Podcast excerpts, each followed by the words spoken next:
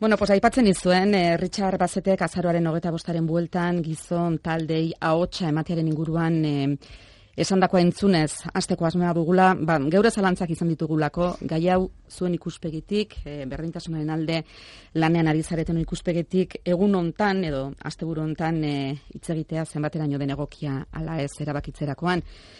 Richard Bazete, praktika ez ezik, berdintasunaren aurrean gizonezkoek eh, jokatu beharreko teoria aspalditik lantzen ari den antropologo, gizarte laguntzaile eta aita da. Ondo asko ezagutzen duzu ezuek, gizon on berriak, maskulinitatea feminismoaren garaian liburuaren egila besteak beste, eta mundu mailan berdintasuna lantzen eta ikertzen duen promundo global erakundeko kidea. Richard Bazete, entzun dezagun.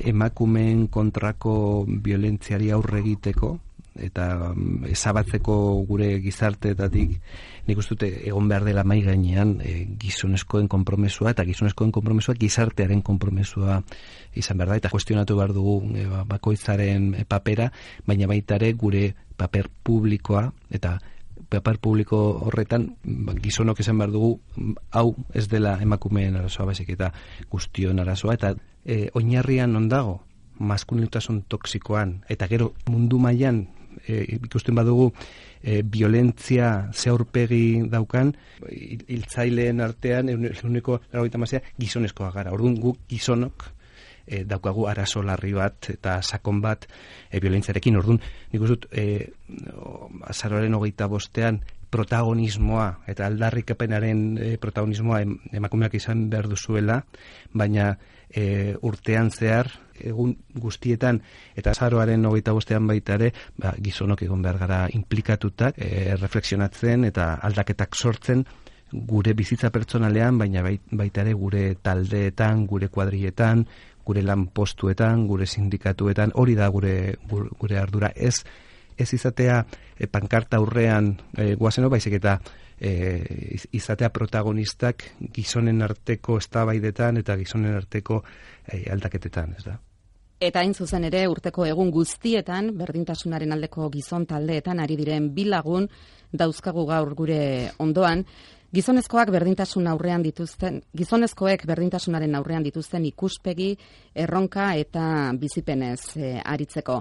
Iñaki Casares, santurtzeko gizon ekimena taldeko ongi etorri Euskadi Gratiaren Donostiako estudiotara. Aba, eskerrik asko plazerra da ongi egotea. Eta Roberto Macho, ermuko zipristintzen gizonen elkarteko kidea, Bilboko estudiotatik ongi etorri zuri ere. Eskerrik asko. Gaur ere, asteburu honetan ere, ezin berdintasunaren aldeko jarrera alde batera utzi, ezta? Baduelako indarkeria matxistak honekin guztiarekin lotura. Nahi duzuenak, hasi. Roberto? Bueno, neuk. vale, Ederto. Eh, bai, bueno, eh, eh, hori da, ez? Eh, mm, azken finean, eh, eh, mm, e, violentziaren atzean dagoena da ideologia eretereo patriarkala, ezta?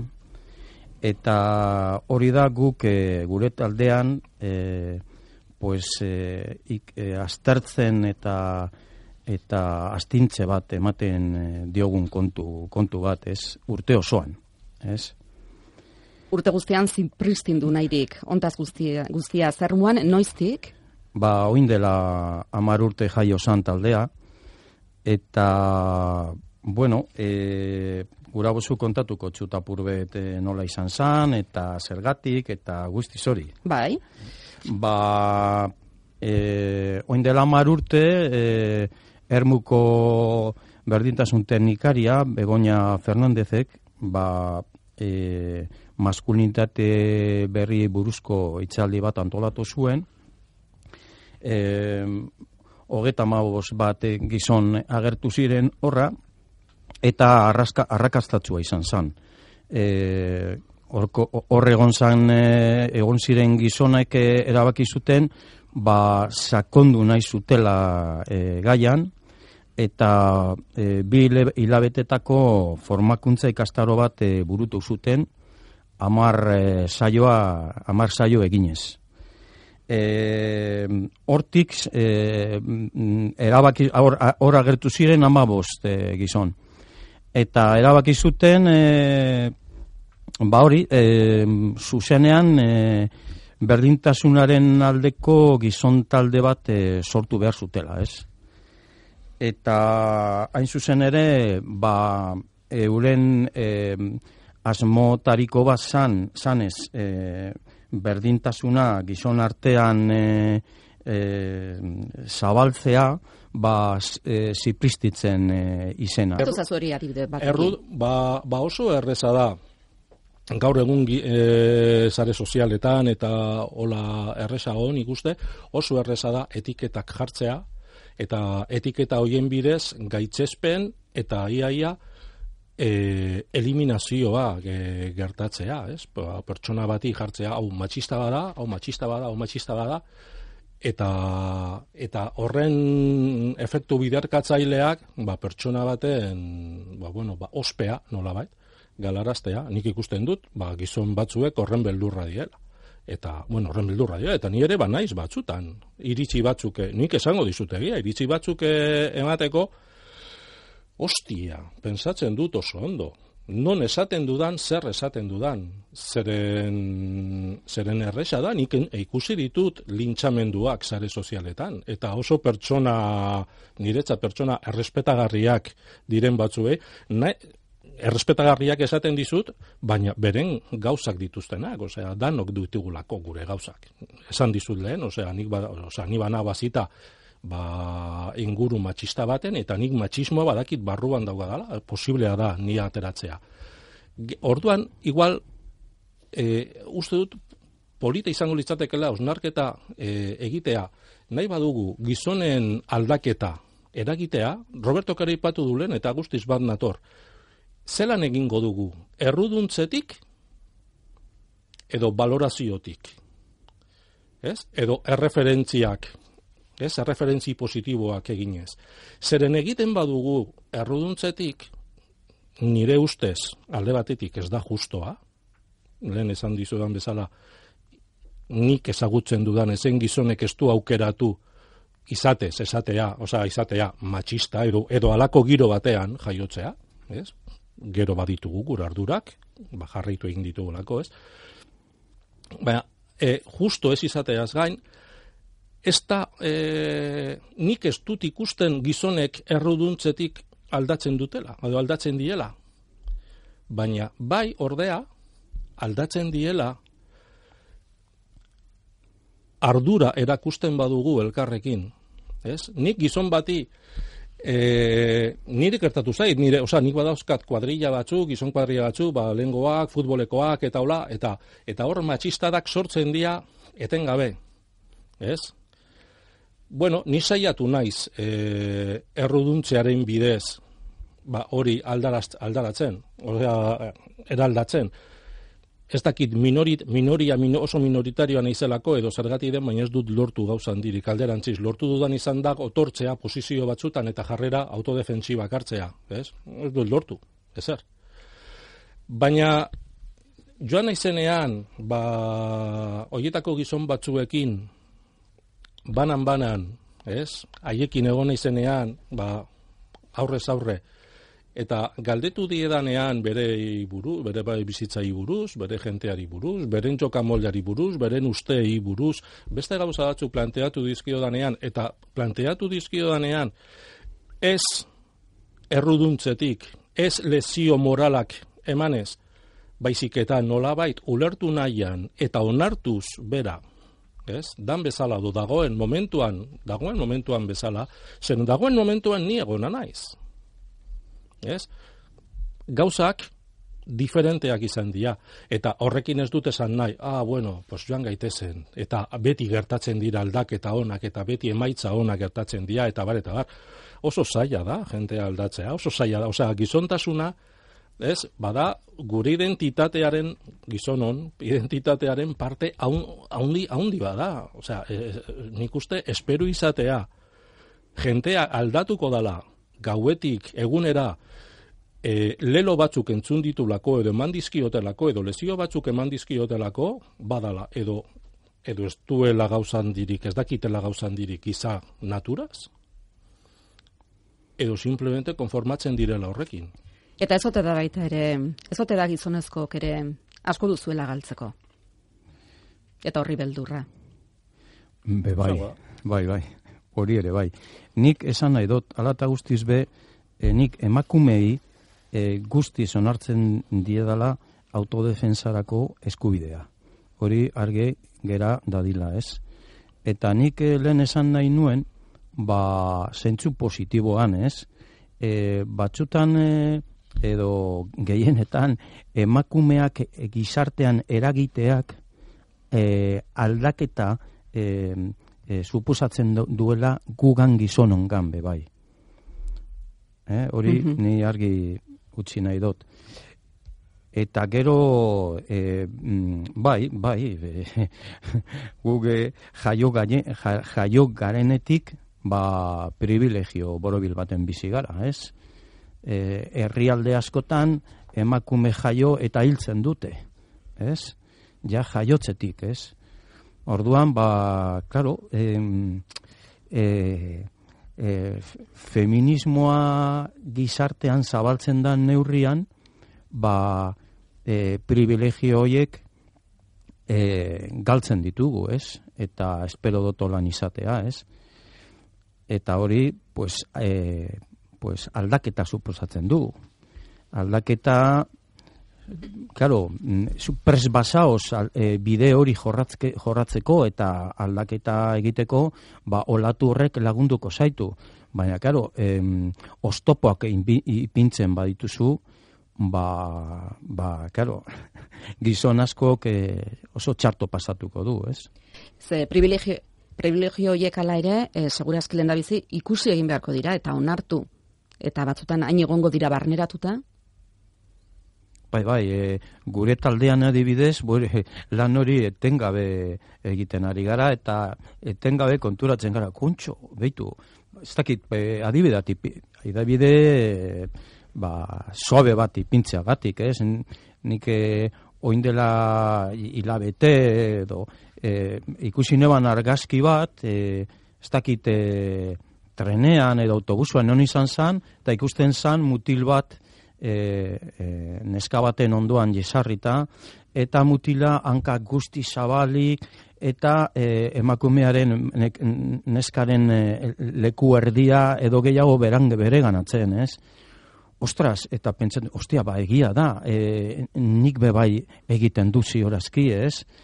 Mm, gauza askotaz, e, gauza askotaz, ba, mm, gure begi biztan e, e, agertu edo beste batek ipini arte, ez, ez, ez ditugu ikusten, ez dugu ikusten. Beste zer identifikatu izan duzue privilegio bezala? Iñaki? Nik uste, nik uste guri e, nolabait eman zaizkigula privilegioak, gizon hoi esan nahi dut, edo gizon bezala sozializatuak izan karen hoi, ba, privilegioak eman zaizkigula, ba, alor ekonomiko, material, alor praktikoan igual demagunez. Eta lehen galdetu duzu, ez da izango galtzeko gehiago duzuelako? Ez. Baina uste dugu baietz. Ez dugu gehiago galtzeko, asko zere gehiago, nire, nire ikuspegian asko zere gehiago daukagu irabasteko galtzeko baino, nik ikusten ditut gizonak eta kolega, nik ez dut ikusten ez dinamitan. Nik ez dut ikusten zoriontsu baten. Nik ikusten ditut oso gizonak oroar oso izorratuta dauzela, naiz eta gero gizon bakoitzak ibiltzea, bere plantak egiten eta bere antzerki egiten, oso zaila dalako gizon batek erakustea, pues kolega, ez dela oso zoriontsua ez, ez duela dana kontrolatzen, ez dala hemen, ez, el rei del mambo, esaten danez. Orduan, nik ez dute ikusten holan alde, batzuek esaten dute, batzuek esaten dute, eske, karo, privilegio bat galduko dituzue, privilegio praktikoak, ez, ekonomikoak. Ekonomikoak praktikoak, zeintzu. Kau, e, pues, adibidez, karrera laboraletan, ez, asko zera errestasuna handiagoak izango ditugu gizonak, edo gizonok, e, zuek emakumeok baino. Alor ekonomikoan, ba, hobetu ibiliko gara gu, ez? Gizarte honek ematen digu bidea, ez? Hobeto ibiltzeko zuek baino. presentzia publikoan, ere bai. Botere formalean, ere bai. Ez? Onartzeko jarrera batzuk, ere bai. Batzuk esaten dute, baina ez, privilegioena oso gai ere korapilatxua da. Ez?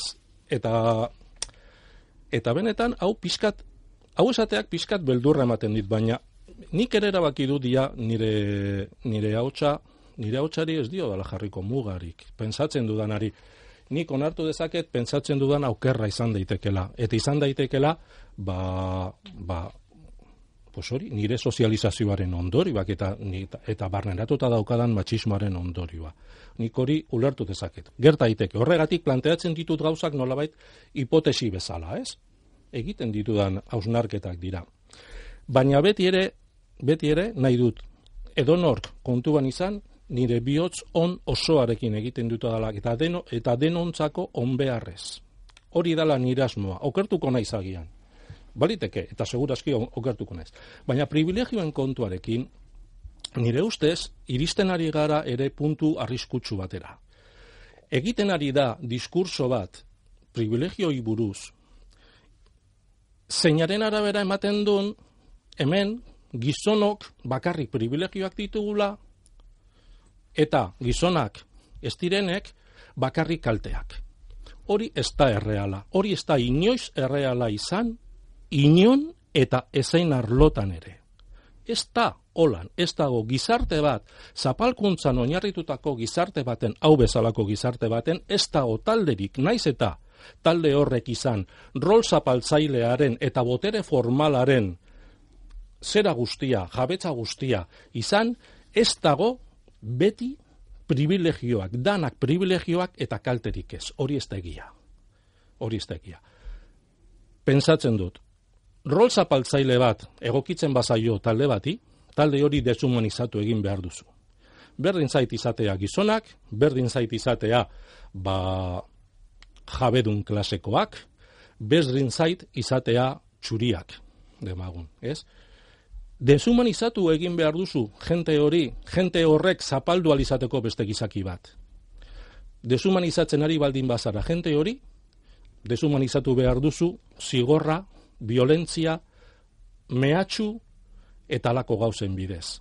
Hori ez da gertatzen modu natural batean. Nik, nire ikuspegi, nire ikuspegia, eh, da, gizakiari buruz. Ikuspegi horrek ere ematen dit, itxaropena, pensatzen dut, lehen esan dizut, gizonok nire ustez eskara matxistak, pertsonak nire ustez eskara gaiztoak. Ez gara zapaltzaileak, ez gara probetxategi batzuk.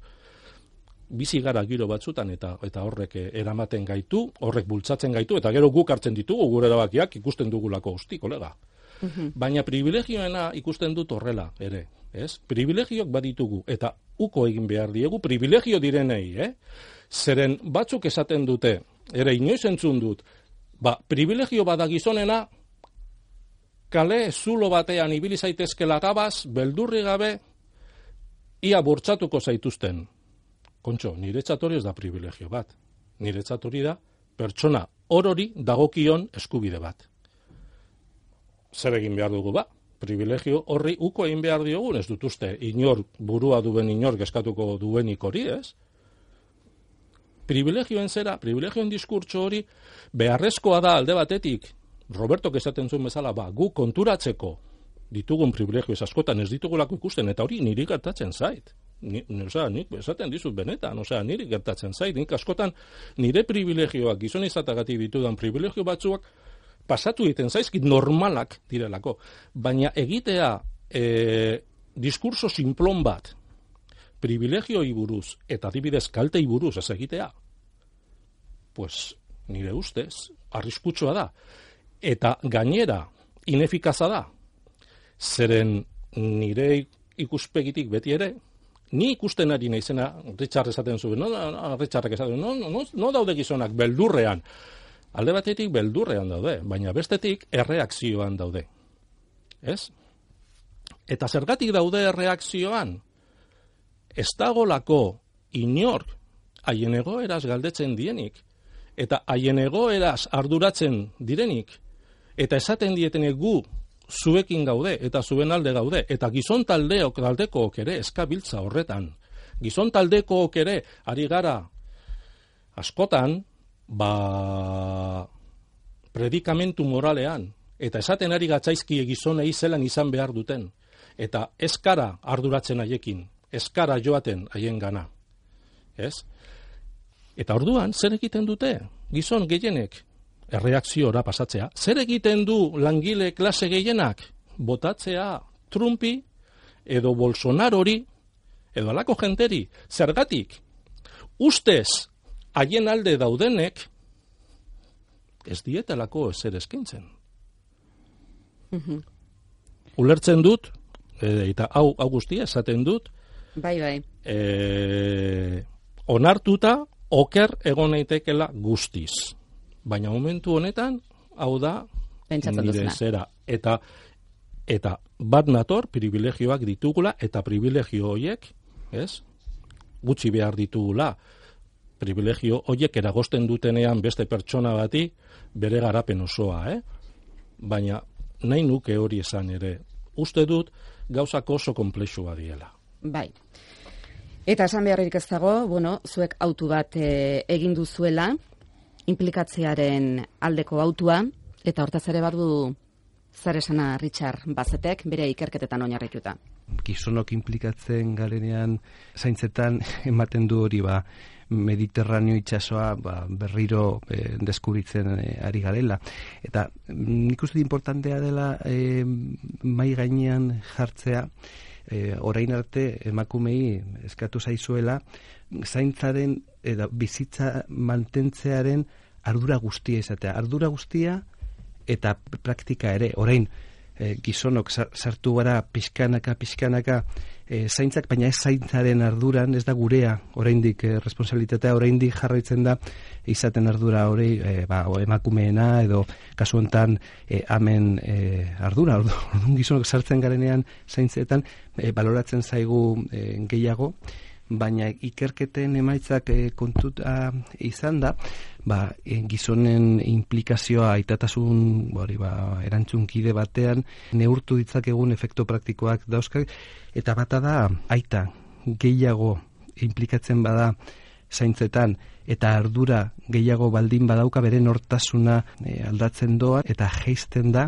eta gainera e, nabarmena da jeisten dela asko e, umeen kontrako violentzia bai- eta baita ere e, bikotea edo neska edo amaren kontrako violentzia. Orduan, e, mundu aldatzeko eta emakumeen e, alduntze prozesu hori posible izateko gizonok zaintzetan implikatuta e, izan behar gara.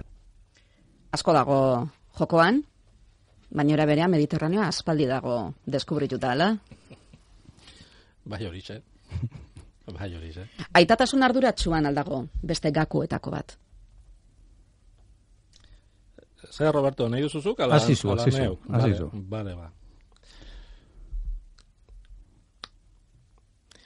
Nire kasua, nire kasua. Ez, e... Ni ardu, e, aitatasunaren arduratsuaren alde nago, nik uste dut pertsonak bezala gure parte bat are gehiago esango nuke, nik uste pertsonak pertsonoi zerbait badagokigu gizatasunea, gizatasunaren ezaugarri haundi haundi bat dala urkoa zaintzea. Uste dut, hori holan dela. Gizonok, ba, eskara, egon, hortan, eskara egon, beste zera batean, e, egon gara, baina eskara egon, horretan. Eta horrek, kalte ekartzen du. Kalte ekarri die zaintzaz arduratu beharra izan dutenentzat eta guretzat ere bai, gure gizatasunare gure- gizatasunari muga jartzea dalako nik uste ez. Orduan bada parte oso garrantzitsu bat. Osea, guretzat oso oso ona, edozein pertsonarentzat oso ona da, baina horre esango nuke zaintza noraino dago baloratuta gizarte hontan. Noraino daukagu danok, gizon eta emakumeok. Noraino daukagu, benetan ikusten dugu zaintzaren beharra? Benetan, ez? Edo ikusten dugu gehiago sama bezala. Karo, ulertzen du, zergatik ikusten dugun sama bezala, bizi gara gizarte batean, non, zaintza, ez, dan, bigarren mailako zerbait, eta produktibismoa dan lehenengo mailako zerbait. Ez? Inok ez du irabazten dirurik, zaintzaren bide, zinok ez du irabazten osperik, zaintzaren bide, bueno, orain gizonok, pixka bat, ez, balako ospe hona, ah, ze gizon hona den, bai, jo, ja, laguntzen dio bere mazteari, ez dakiz, ez, ez, baina oso desprestigiatuta dagoen zerbait da, ez, Horregatik lehen egon gara komentatzen, eh, alako jardunaldi ez, eta ateratzen da orduan foru diputatuak eta esaten du ez dakiz zer, eta ni, zuk niri zer kontatuko diazu. Osea, zu ze gizarte mota ari zara eraikitzen hemen. Benetan esaten dirazu, zuk aldatu nahi dituzula gizarte honen balore nagusiak. Benetan dala zuretzat zaintza prioridade bat, ez? Urkoa zaintzea, ez? Ez da hola, inolaz ere.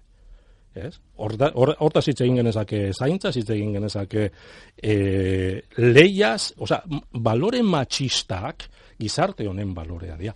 Orduan, ari da, Roberto, me cago en la mar. Ze bene txauden hemen. Vaya. Que me pongan a rementerias. Ez, aitatasun eh, Bai. arduratsuaren... Bai, eh, bai. Orduan, eh, oso ona da gizonek arduratzea. Oso ona da gizonentzat, oso ona da gizarte osoarentzat, oso ona izango da umeentzat, oso ona izango da emakumentzat edo bikotekidentzat edo zenidentzat edo dana dalakoentzat. Oso ona da, baina egia da, osea, oie, osea, orain, orain arte ez duzu zer egin eta orain hau egin duzulako, pues eroi bat etxara izango, ez? Eskara, eroiak, nik, pues, arrokeriari gabe, segurazki esan dezaket nire lagun gehienek, baino, igual, erreparo, erreparatu dio dala gehiago, zaintzari, ez hori nire alabaren zaintzari, nire bikotaren zaintzari, saiatu nez nire amaren zaintzarekin eta ere, baina, baina ez naiz iristen erdira, ez naiz iritsi erdira, hori, hori hola, hola da, osea, que, igual egin beharko genuke hori, lore gutxiago, ez, behar dugu lorerik, ez dugu behar lorerik, zertako balio dute lore hoiek, ez? Ez, lore ez, behar, behar dugu hori, esatea simplemente, a ber, hau egin behar bada. Eta gainera, egin behar hori izan daiteke onuragarria, kontxo, ba egin dezagun ondo da nontzat, ez? Ze dezagun. Aitatasun arduratsua ez da jaio ondorengo baimenera mugatzen. Aurra jaio ondorengo baimenera. Orain badirudi indarrak hortxe jarrita daudelata. Bueno, nik uste hor eh, hor badaudela bestelako interes batzuk, ez? Ba, zeintza partekatuaz eta ari zara, nik uste hor... Ez esaten nuen aurra jaio eta ondoren egiten da. bai, bai, bai, eta, eta zaintza askotan eh, mugatzen da hortara, ah, ba, bere seme alabarekin eh, egoten da. Ez, ez, ez, nire ustez zaintza da lehenago, nik hortaz badut zer ikasi, eta asko, nire burua kritikatzeko ere asko. Zelan tratatu nuen nire nire bikotea, nire bikotekidea ordun egon zanean, eta, eta hola. Ez, hortan badut asko begiratzeko ere buruari. Baina, karo, ez dala hasten horrela, ez dala hasten, ez da hasten hor. Hasten da, pertsona batekin harreman badugunean, hor hasten da zaintza. Ez? Eta pertsona hori izan daiteke bikotekide bat, o izan daiteke lagun bat, izan daiteke lankide bat, o izan daiteke ba, guraso bat, ez? Gurasoak eta edadekoak hor, e, hortaz ere hitz egin genezake luze, ez? Zuk nola ikusten duzu guztia, Roberto? Bueno, nik eh, esan nahi dut asko disfrutatu dodala, ez? E, eta disfrutatzen ari naizela ondino, ez? E, naizta ja nire labak e, gugaz e, bizi ez izana, ez? Ja, independizatu dira. Bai, bai. Eta nire oroimena, ez dakit, e, momentu txarrak e, pasatu ditugu, e, bai, osea, dana ez da bonbon, ez?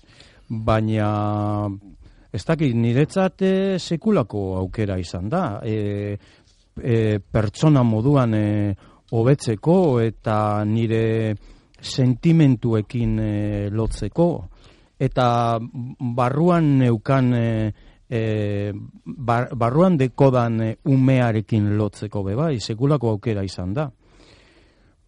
Eta, bueno, ez ez daki zer gehiago izan. Ni beti esan diete eurei, ez, ba, ziurazki bizitzan gertatu jatan e, onena izan dala, ez, e, eura jaiotzea, eta ez dakit, e, izan da, osea, ez dakit oso, oso, oso akontezimento eh, indartsua nire bizitzan, eta ondino bebai, eh, ondino bebai. Ba, e, Richardrek e, itzerdi egin du gauza bat e, zaintza, zaintzan aritzea, praktikan zenbait jokabide aldatzea eta egitea, e, beste kontu bat ardura. Arduraren kontu hori, hori ja beste pauso bat da, beste... E, ardura zari zarenean, ari zara... Ja, bai. Lideratzea eginkizun bat, es, esaterako? Karo, beste, beste zera bada. Beste zera bada, bada, zera bada urrats kuantita, e, kualitatiboki pues, goragoko bat, ez, nik uste. Kao.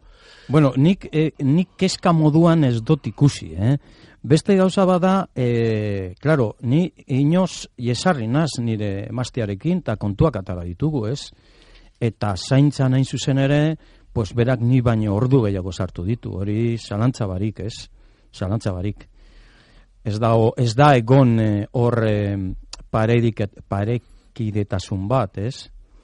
Baina, ez dakit, mm, ez dakit, mm, nik e, egin aldo dana egin dut, hori be egia da, ez? Ba, nik uste hori bai dela espi erratzeko, ba, ez? Zer? Danok egiten dugula aldiketonena. Ez? Ez la beste, bai, nire, nire kasuan, nire kasuan adibidez, eta ez da ezer e, e, zuritze, zuritzearen, ez? Mm. Baina ni oso lotuta bizi, oso angustiaturik bizi zenaz beti e, provedor e, rolarekin, ez? Eta, karo, fe, pues, e, nire, nire, nire maztea esan beste, ez? Eta momentu konkretu baten, ba, nik onartu, onartu behar diot, bera, egukitu egin du bere bere lana edo ba umea zaintu alizateko, ez? Eta nik agian, pues, lehenengo lehenengo hilaran, nilengo lerroan ipini dut, ba, pro, provedor eh, rol hori, ez? Hori egia da. Gaur berrizaziko bazenute harreman hori, eta bizipen hori? Boa, zalantza barik, hori oso argideko. Nik gaur egun sorionez, agian izango da adinagatik ere, ez? Baina ni ja libratu egin naz e, e, zera, ez? E, kate horretatik, ez? Eta, ba hori, ez? E, beti e, pentsatu dut, e, osea, dirua nik irabazi behar nebala. Osea, ziurtasun ekonomikoa nik lortu, lortu behar nebala, ez?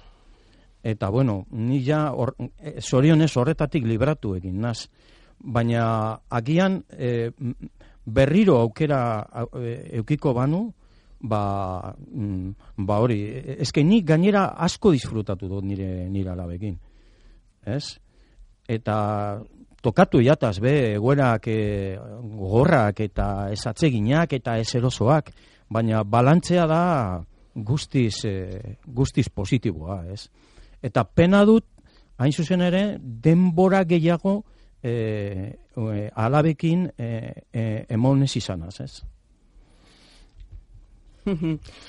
nik, nik, bai, marke, esan, bai, bai, esan. Bai, nik, nik uste dut e, e, herri bezala egin beharko genukela hausnarketa bat zaintzari buruz. Ez? Eta benetan zer den garrantzitsua. Eta feminismoa, feminismoaren e, atal batzuk e, ez? Nik uste oso hausnarketa politak egin dituztela eta horretarako egoteko moduan egon dira eta egin dituzte ba, bizia erdigunea ekartzea. Ez? Hori izugarrizko aportazioa da. Ez? Oraindik ere batzuk askok gehienek ari direlaik e, gehiago lehiatu behar dugu, gehiago produzitu behar dugu, aberastasun gehiago sortu behar dugu batzuk, ez? Emakume batzuek esan digute, ez bizia ekarri behar dugu erdigunera eta beste guztia jarri behar dugu horren arabera, ez? Hori ikaragarria da. Ikaragarria da eta pentsatzen dut benetan gizarte bezala egin dugu alako hausnarketa edo esaten ari garena da ez e, egin behar dira aurreskola gehiago ez? Ba, danok jateko lanera alik eta lasterren, eta umeak usteko hor batzuekin, baina usteko hor. Hortaz ari gara, nien nago horren oso alde. Eta gero badago beste kontu bat, eta bada parekidetasuna zer dan, ez? Edo berdintasuna zer dan, edo adibidez zaintzan ia den berrogita mar, berrogita mar, hori, ez? Eta nik horretaz, zalantzak, zalantzak ditut, zalantzak, eh? ez daukatu hausnarketa finkorik. Baina niri zalantza zorrara zidan emakume batek, ez? Amatasunaz, aritu den e, emakume batez, eta esan zidan. Ez, e, kontua ez da erdi eta erdi banatzea. Kontua ez da egitea ba, plan bat edo orrialde batean hor idatzi. Nik hau egin dut erdia, zuk egin erdia. Zun, hor, hor familia bakoitzean edo gune bakoitzean dena delakoa begiratu in behar da. Ez? Eta begiratu in behar da beti elkarren arteko, oza, elkarren adostasunakin, kontuan izan da horrek dakarren ere arriskua, zergatik, pues, gizonok matxismoan eziak izan garen bezala, emakumeak ere bai. Orduan gerta daitezke hor, baina bueno, bakoitzak landu behar du berea, ez? Eta gero, gau, planteatu dizkidalako gauza batzuk eh, askuntzari buruz, eh, pues, umearen behar izanari buruz. Eta batzutan iruditzen zait, hitz egiten dugunean, jode, hitz egiten dugula helduon behar izanei buruz. Eta ez e, umeek ze behar duten, eta honek esaten zidan, emaku, e, ume batek, bere lehenengo zei hilabetean, egon behar du bere amarekin, ez bere aitarekin. Ez da, erdia eta erdia. Nik nire posizio politiko batetik, esaten nion, ez, Ez, erdia eta erdia. Eta utzi dazu niri umea, zuk ateralizateko, ez daki zer, eta bar. Ez? Eta berak esaten zidan ez ez. Esaten zidan ez, guri izatea da, ume horren, e, osea, ume hori bere amaren gandik, beriste prozesu hori, mailakatua izatea, ez? Eta gutxienez, zei hilabeteko tartean, ba, ama izatea, hor dagona. Eta be, eta ai, aita edo, ez, besteen, ez, ondokoen eh, lana ba, izan behar da emakume horri, ama horri behar duen apoio guztia, behar duen guztia ematea, berak egin dezan, egin ahal izan dezan, egiten nahi dana. Ez dakit, usten dut horre, reflexio dako. Bai, bai, emango liguke zaintzari buruzko beste bai. saio bat, eta buz, kontu jo, pues, pues apuntatu, tere, eh, zai daude, ez, Radio Euskadin, zeitu bezakegu, zeitu, uh, zen zuten da? Ja, ja, grabatzen ari da hori eskintzuten da kaskotatik, beste zerbait. Ez horrez? Ah, bale, bale. Zuk entzuten dezu? Bai, pizkat, ni pizkat. Bai, zu, Roberto, hor inguru, lehen bezala zaude ez da, Roberto? Bai, bai, nik bai, ez vale. dut, e, zuei besterik ez dut. Bale, bueno, zeituko dugu orduan, e, urrengo jarrai dezagun, irutzen bali mazaizue, Promundo Global erakundea bizkaian gizonezkoek berreintasunen aurrean dituzten jarreren inguruko ikerketak eman duena ezagutzen, ea, Richard Bazetek beste zer digun? Baitere bizkaien egindako ikerketan feministak diren gizonei e, galdetu digunean, bueno, zer, zer egin zaitu zu feminista, ba, gehiengo, gehiengoaren erantzun izan da, e, gertu ama feminista bat izan du dalako, arreba feminista bat, e, alaba feminista bat, eta gehienetan e, emakume edo bikote feminista bat e, izatea. Eta ikerketen emaitzak e, kontutan izan da, e, ba, konturatu gara, e, gizonen aldaketa e, produktiboagoa dela eta posibleagoa dela, ba, aita garenean. Eta gehien bat, neska baten e, aitak e, garenean. Estadistikoa da, eh? Eta zuek estadistika betetzen duzu, bai, bai. Nik nire burua ez dut feministatzat. Ez ez, ai, alaba baten aita zarela alegia. Bai, bai, bai, bai, bai. bai. Baina ez duzu zure gura feministatzat.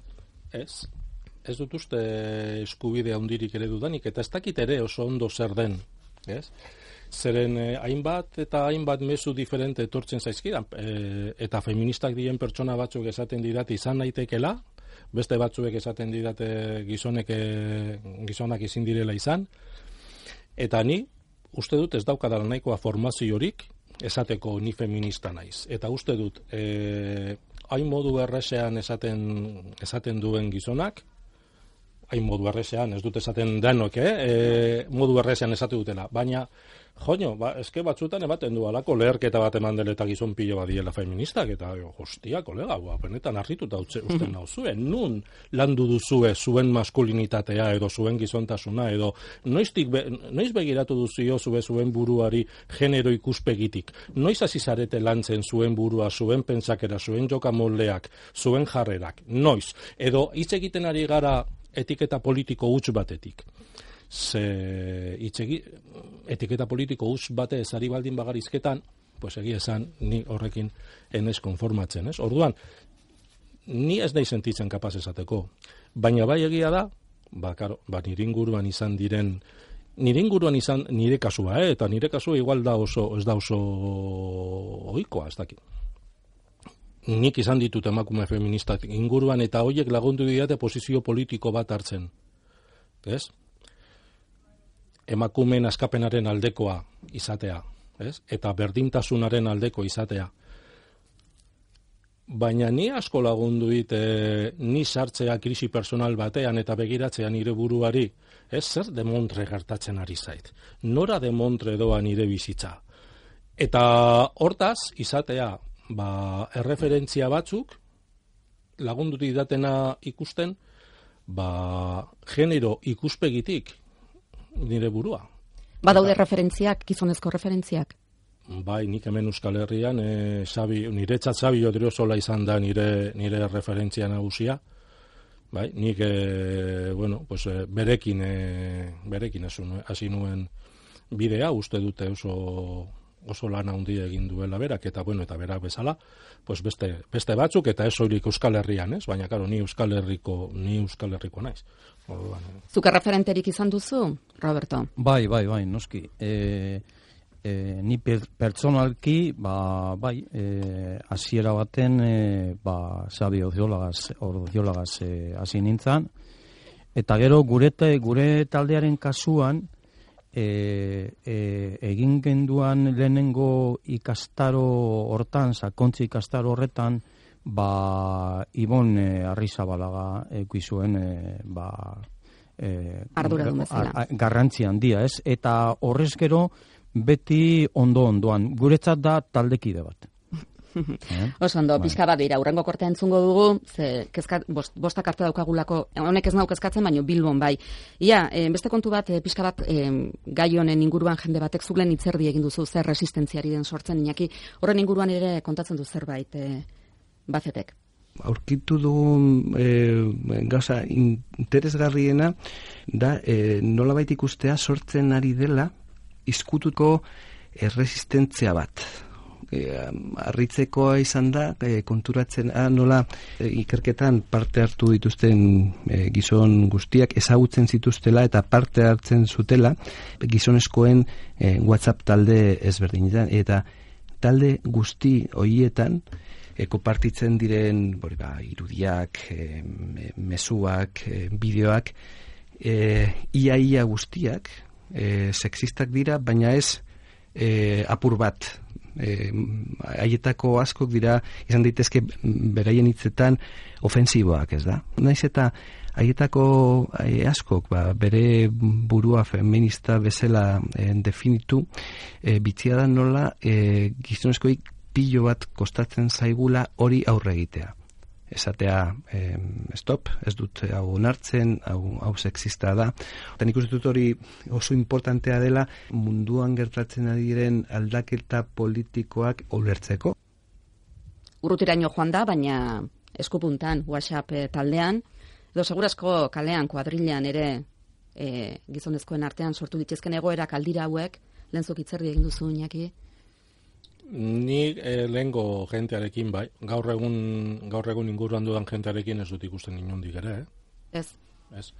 Baina, Aldaketak ikusten dira. Bai, bai, gutxienez itxurazkoak, bai, eta nik uste itxurazko aldaketak badaudere, badaudela. Gero askotan zenulako gauzak sentitu, e, zenulako pentsamendu eta etortzen zaizkigun edo zenulako gauzak botatzeko etortzen zaizkigun, beste gauza da ez, baina ni beste lagun batzuekin, beste ambiente batzuetako lagunekin, lena, igual badinotzut orain, kao, beste, beste oso, oso non zauden, ez? Osea, ze tokitako jentearen arabera, ze tokitako gizonen arabera den, eta hola. Richardrek din oso zaila dela esatea ez ez, osea, oso, oso zaila dela esatea, etetea hori, eta zaila da, etetea, baina igual bilatu behar dugu, modua, eteteko, eta eta kontua ere ez dut uste denik gauzak etetea edo zelan. Pentsatu behar dugula, zein da izan daiteken modu egokia eteteko gauza horiek. Kontuan izan hori, eten egin behar diela, eten arazi behar ditugula, eta guk izonok hartu behar ditugula ardura guk, ez daten nahi nintzen kontzientzia pizka daukagu, no, ez dakit. Ez, hori dagokigun, oza, ez dut nahi, holan mesias gisa agertu ez neu eta ez beste gizon kide horiek, ez? Baina bueno, osea, pues beste iritsi badaukagunok badaukagu hor ba zerbait e, esan beharra eta egin beharra, ez? Eta agertu, ez? Niri hau ez zait gustatzen, ez? Baina ikusi behar dugu zein dan modua. Eta horretarako begiratu behar dugu zein dan gizonak edo gizonen sozializatzeko modua. Eta gizonen sozializatzeko modua baldin bada oiarkerian ibiltzea, itxurasko oiarkerian ibiltzea taldetxo batean, kontxo, pues igual pentsatu behar dugu taldetxo horretan oiarrago jartzea, ez? Edo ez dakit zerra egitea agian ez tala oso komenigarria, ez? Eta gauzak ez diren ez gertatzen epe motzean zoritzarrez baino landa, ez? Osea, machismo ez dakabatuko epe motzean, pues igual beste gauza batzuk ere landu behar ditugu, ez? Eta batzuk dira erreferentzia horiek, erreferentzia pertsonal horiek, osea, pues esate hori, nik honetan ez dut parte hartzen, ez? Osea, ni parte hartzen dut, honelari parte hartzen dut, modu honetan, baina ez dut parte hartzen, ba, jokatzeko modu hauetan. Igual erakutsi izan daitekela, gizonok izan gaitezkela pertsona beste modu batez, ez dugula izan behar machista, sexista edo ez dakit zelakoak e, horretarako, ez? Ez dakit, baina ez daukat oso garbi, uste, uste dut hori dela daukagun. Askotan etortzen zaigun hori, ez hori egin behar da. Bueno, guk gauzak egin behar ditugu emaitzak lortzeko eta emaitzak lortzeko ikusi behar dugu zer den inteligentea eta zer ez, zer den efektiboa eta zer ez. Baina, bueno, baina inola ere paso egin eta, osea, hor, ez naiz esaten ari, erabili dezagun hau ala ba, pizkatea ardura kentzeko gainetik, ez? Osea, lehen esan dut gizonok ez garela errudunak, baina bai ardura handia daukagula, erantzun gizun handia daukagula, eta orduan guk hartu behar dugu hori. Ez? Konforme ere, Roberto. Bueno, baina beti beti dekogu esetz esaterik, e, era egoki baten, e, ba, esateko, ba, niri alako mesurik ez bidali, mesede, osea, ni, eske, ez, ez, ez, ez nago bat ere adoz horrekin, e, e, nigaz ez kontau e, kate bat, e, katearekin jarraitzeko, osea, ni, niri ez bidale alako mesurik, ez? Ez dakit, egia zan, nire inguruan behintzat ba ez da askotan gertatzen, oso gitxitan gertatzen da, baina gertatzen danean inoz gertatu jata lankide batekin edo bestekin eta bueno, konfidantza nahiko hori dekot esateko hori ez, ba, bitu, eske ez dote zuzena ikusten e, jarrera hori ez, mm, osea, niri ez bidale alako mesuak edo... Eta e, reakzioan olakoa izan ohi da. Claro, a ver, eh, era pertsonalen esaten badotzu pertsona hori, ez, ez lotzatzeko asmoarekin, eh, baizik eta, ez dakit, mm, era kreatibo baten, era, eh, mm, ba, ez dakit, mm, ulertzen doztazu, ez? Osa, kontua ez da pertsona lotzatzea edo isilaraztea. Kontua da pertsonarri esatea hori ez dala bidezkoa. Ez dala mm, zuzena eta ni ez nagoela pres e, kate horrekin segitzeko, ez? Laguna galtzeko bidea sordezakete, olako pausuak? Ondo, e, e, zaintzen badugu nola esaten ditugun gauza nik uste dut esetz. Nik uste dut esetz. Eta lehen esan dakoa, zainaki, eta zeuker esan duzu Roberto prozesu bat izango dela, matxismoa hain dagoela gizartean barneratuta, e, oso epeluzeko kontu bat izango dela, maratoi bat alegia. Nik, bitu, eh, lehen komentatu duzun horrek, intere gauzatxo bat, oso laburra ez duten roiatu nahi, eh? baina e, ez da, izan diteke lagun batzu galtzeko bidea. Zagatik, ez? Baina laguna galtzen ditugu beti. Ez? Osa, nik ez dut uste inor dauzkanik e, txikitik, txikitatik lagun guzti guztiak gure bizitzako prozesua, pues, holan gabiltza.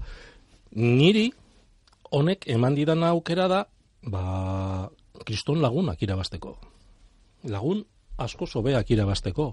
Osea, nik Robertorekin daukadan lotura, eta daukadan aidizkidetasuna, daukadan kompromisoa, daukadan maitasuna, hori e, pues nire lehenko lagun askorekin ez dut.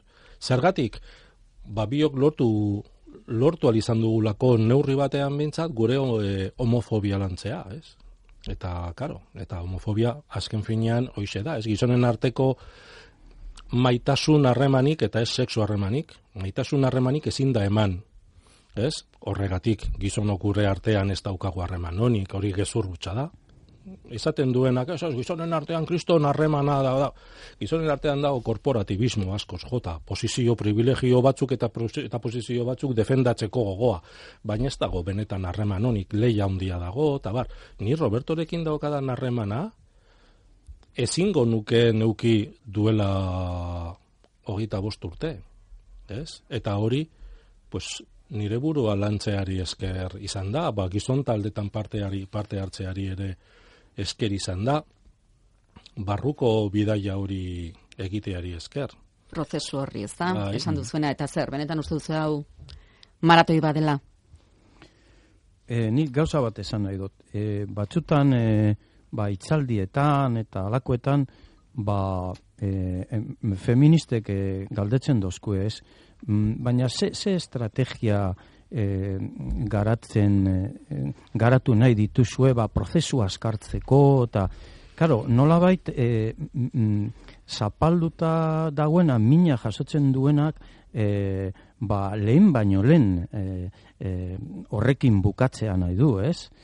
Eta claro, e, nik uste dut e, prozesua e, askartzeko e, oso importantea dela e, gizonok bueno, berdintasunaren alde gauden gizonok elkartzea.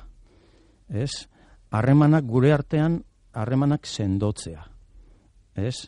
Eta gure taldea behintzat, ba, e, erronka er, hori du buruan, ez?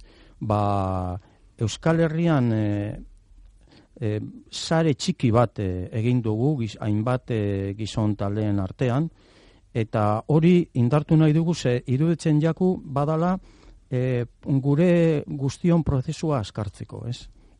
Eta beste gauza importante bat e, prozesua e, bai pertsonala, e, bueno, pertsonala edo taldekoa, ez? Askartzeko, ba kontrastea, ez? E, oso importantea da, bai e, etxeko emakumeen e, kontrastea, eta bai e, inguruko emakumeen kontrastea, eta bai talde moduan, ba, herriko feministen kontrastea. Eh? Eta beste gizon taldeen kontrastea. Eta horretan ari zarete. Bai, bai. Ba, behon dizuela, egiten ari zareten lanagatik, aleginagatik, eta nire kasuan bintzat neure buruaren alde eta nire inguruaren alde ari naiz eta nago inor salbatzen ari. Ez dut, ez dut uste gaine inok behar duen, ikosa, ez dut uste zuek, zuek ari zaretelo sondu egiten zuen lana.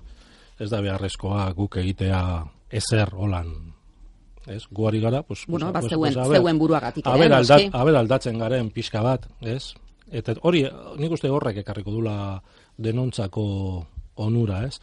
Baina uste dut, lehen komentatu duzu e, hori, zaintzaren, ka, orain gizon batzuk zaintzen dute ez daki zer, eta badirudi eroiak diela, eta orain badirudi ba, gizon batzuk e, ibiltzen diela, pues, edo nahi dugula pues, e, pues, berdintasunaren aldegin, matxismaren aurkegin, eta hola, eta eta batzuek eta komunikabide batzuetatik gainea, ez? Ba, ba joera izan dute ia eroi bezala agertzeko, ez? E, aitzindariak ematen genuen holan Ameriketara joeten ziren e, lehenengo hiek.